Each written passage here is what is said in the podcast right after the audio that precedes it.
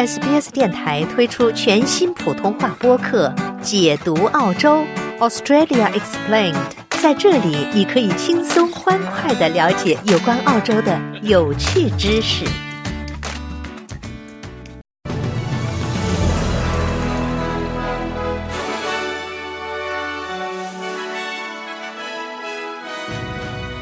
海洋世界直升机坠毁事故造成四人死亡。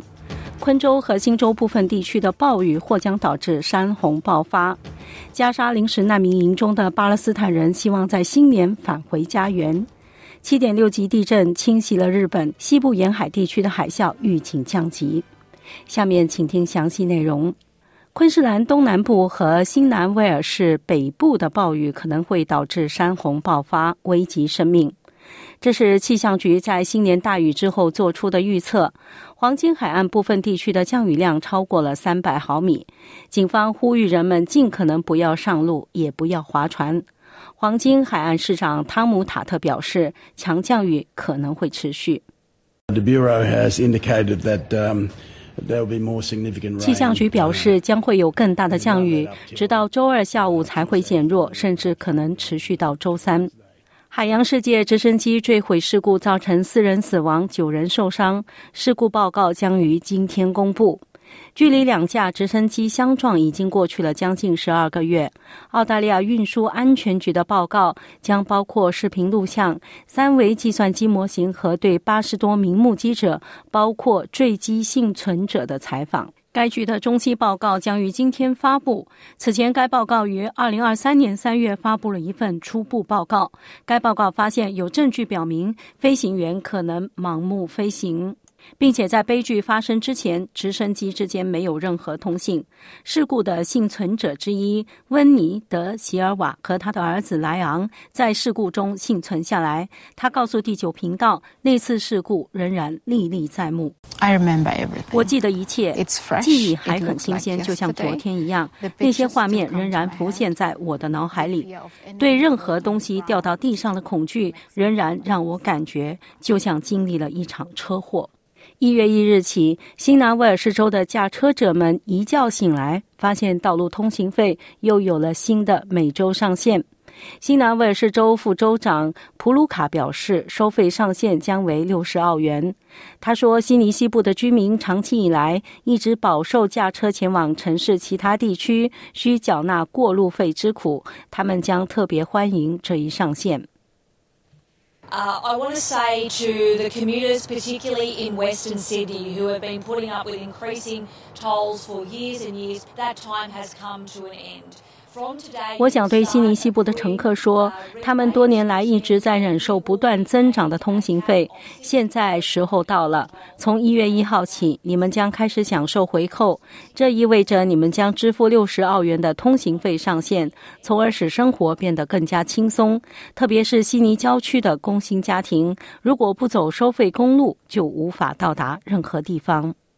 悉尼市长克劳夫摩尔表示，该市已经开始筹划2025年的新年庆祝活动。他说，在悉尼的除夕夜一百万人中只有十九人被捕。民众在经历了艰难的几年后，享受了庆祝的机会。We're planning already for the next one, and it's always fantastic. But I think after the pandemic, 我们已经在计划下一个新年。新年总是非常棒，但我认为在经历了新冠大流行病和糟糕的2023年之后，这个新年真的很特别。民众来到这里，他们很高兴并进行庆祝。这是一个极好的社区聚会，因此我们对此感到非常自豪，也为所有参与其中的人所做的工作感到自豪。新年伊始，澳大利亚片区域天气酷热，气温飙升到四十多度。气象局还向昆士兰州、北领地和西澳洲部分地区发布了热浪警报。在西澳洲城镇 Marble Bar，周二的气温预计将达到四十五摄氏度，预计未来七天的最高气温也将类似。Pilbara 和 Kimberley 地区的热浪天气预计将在本周稍有缓解。北领地未来几天的气温预计将达到四十度左右，夜间气温仅降至二十多度。一场失控的、不可预测的丛林火灾正在威胁着西澳大利亚渔业城镇附近的生命和家园。西澳洲的消防和紧急部已向该州中西部库罗郡的 Lemon 南部地区和 Greenhead 北部地区发出了紧急警报。警报称，您正处于危险中，需要立即行动以求生。目前，生命和家园受到威胁。在消防员参与紧急灭火的同时，大火正迅速向东北方向移动。西澳州政府表示，该州结束不可持续的商业伐木，可以拯救近两万平方公里的森林。从周一一月一号起，西澳州禁止砍伐和出售该州西南部的本地卡瑞桉树、红柳桉树和旺度硬木桉。根据新的二零二四到二零三三年森林管理计划，原生木材只能用于生态疏伐，以增强森林健康和抵御干旱和丛林火灾的能力。西澳州政府已投入三点五亿澳元，用于西澳的软木松树种植园，为建筑业提供木材。您正在收听的是 SBS 中文普通话节目。听众朋友，早上好，欢迎您继续收听 SBS 普通话新闻。下面我们来关注更多国际方面的消息。居民称，以色列已从加沙城的一些地区撤出坦克，同时宣布计划改变战术并削减部队人数，以允许预备役人员重返平民生活，并支持以色列饱受战争摧残的经济。这一转变发生之际，以色列国防军宣布。自以色列十月二十七号开始地面入侵加沙以来，已有一百七十二名士兵死亡。以色列表示，他们针对哈马斯的战争还有好几个月的时间。据加沙卫生当局称，这场战争已造成近两万两千名巴勒斯坦人死亡，并将加沙大部分地区夷为废墟。但现在他已经发出了进攻新阶段的信号。一名官员表示，军方将于本月从加沙境内撤军，并转向为期数月的更多地面行动阶段。巴斯大学国防和安全分析师帕特里克·伯里告诉半岛电视台，这可能代表着重大的战术转变。The Israelis will always know when they plan their operations, they only have a certain amount of time to achieve as much as they can. 以色列人总是知道，当他们计划行动时，他们只有一定的时间来尽可能的打击或者侮辱敌人方面取得进展。如果是针对巴勒斯坦人，那么在国际舆论转向反对之前。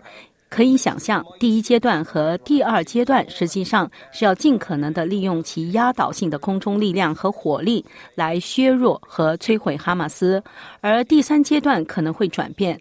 我们必须再次看到变成更有针对性的，特别是集中在南部针对哈马斯的其余部分。他们似乎在北部三分之一的地区被相当程度的削弱和摧毁了。与此同时，联合国秘书长古特雷斯在新年致辞中呼吁结束这场巨大的苦难。Humanity is strongest when we stand together. 2024 must be a year for rebuilding trust and restoring hope. 当我们站在一起时，人性最强大。二零二四年必须是重建信任和恢复希望的一年。我们必须跨越分歧，共同寻找解决方案。联合国将继续团结世界，争取和平、可持续发展和人权。让我们下定决心，让二零二四年成为我们能够共同实现建立信任和希望的一年。在哈马斯和以色列之间持续了十二周的致命战争之后，加沙临时难民营中流离失所的巴勒斯坦人希望能够在新年返回家园。泽纳蒂一家围坐在火堆旁，表示他们找不到任何庆祝新年的好理由。We do not feel that there is a new year 我们感觉不到新的一年，是因为我们生活在痛苦之中，所有的日子都是一样的。我们的庆祝活动不是庆祝活动。我们什么时候可以庆祝？我们的孩子留在了北部的贾巴利亚。我们大约有八十人，人留在北部的其他家人。如果可以知道他们安好，那么这将是一个庆祝活动。我的悲剧存在于我的内心，外面的世界完全没有感觉。让他们庆祝吧，让我经历我的悲剧。哈马斯卫生部表示，自以色列和哈马斯之间的战争爆发以来。加沙已有超过两万一千八百名巴勒斯坦人在以色列的炮火和空袭中丧生。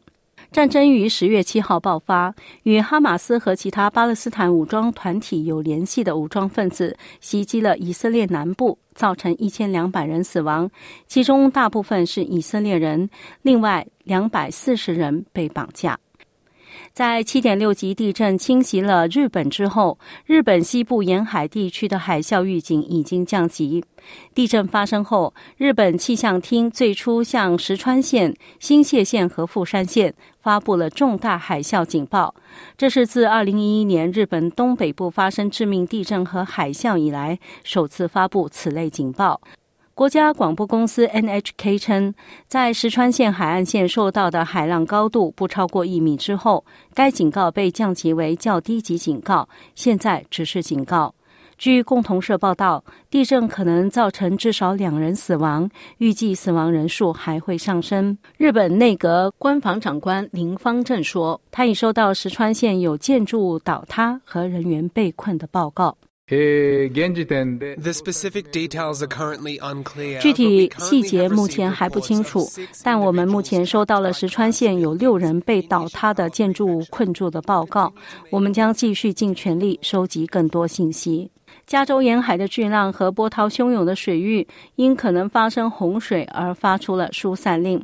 在曼哈顿海滩，由于高达二十英尺的海浪猛烈冲击海岸线，码头仍然关闭。沿海社区的居民被警告远离海滩和沿海道路。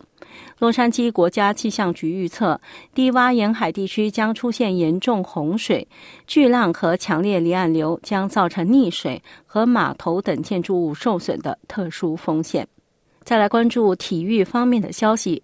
网球方面，大阪直美在布里斯班国际赛上击败塔马拉科帕奇，这是她十五个月来首次获得全球女子职业网球巡回赛 WTA 的胜利，也是她在女儿七月出生之后参加的第一场比赛。这位二十六岁的选手打出了三十六个制胜球，以六比三、七比六、十一比九获胜。下面我们再来关注澳大利亚元的汇率。国际货币市场上，一澳元兑换零点六八一美元，一点零七八新西兰元。同时，一澳元可以兑换四点八三零元人民币，五点三二四元港币，二十点九二八新台币。下面是今天全国各大主要城市的天气情况：悉尼晴，最高温度二十九度；墨尔本有阵雨，最高温度二十六度。布里斯班阵雨，最高温度二十六度；堪培拉有阵雨或暴雨，最高温度二十七度；阿德莱德晴，最高温度三十度；珀斯多云，最高温度三十度；达尔文有阵雨或暴雨，最高温度三十四度；霍巴特多云，最高温度二十二度。想在 SBS 当一回影评人吗？？SBS On Demand 正在推送配有中文字幕的热门影视作品。您只需观看一部或以上影视作品，并把影评观后感发给我们，就有机会赢得一份 SBS 精美礼品。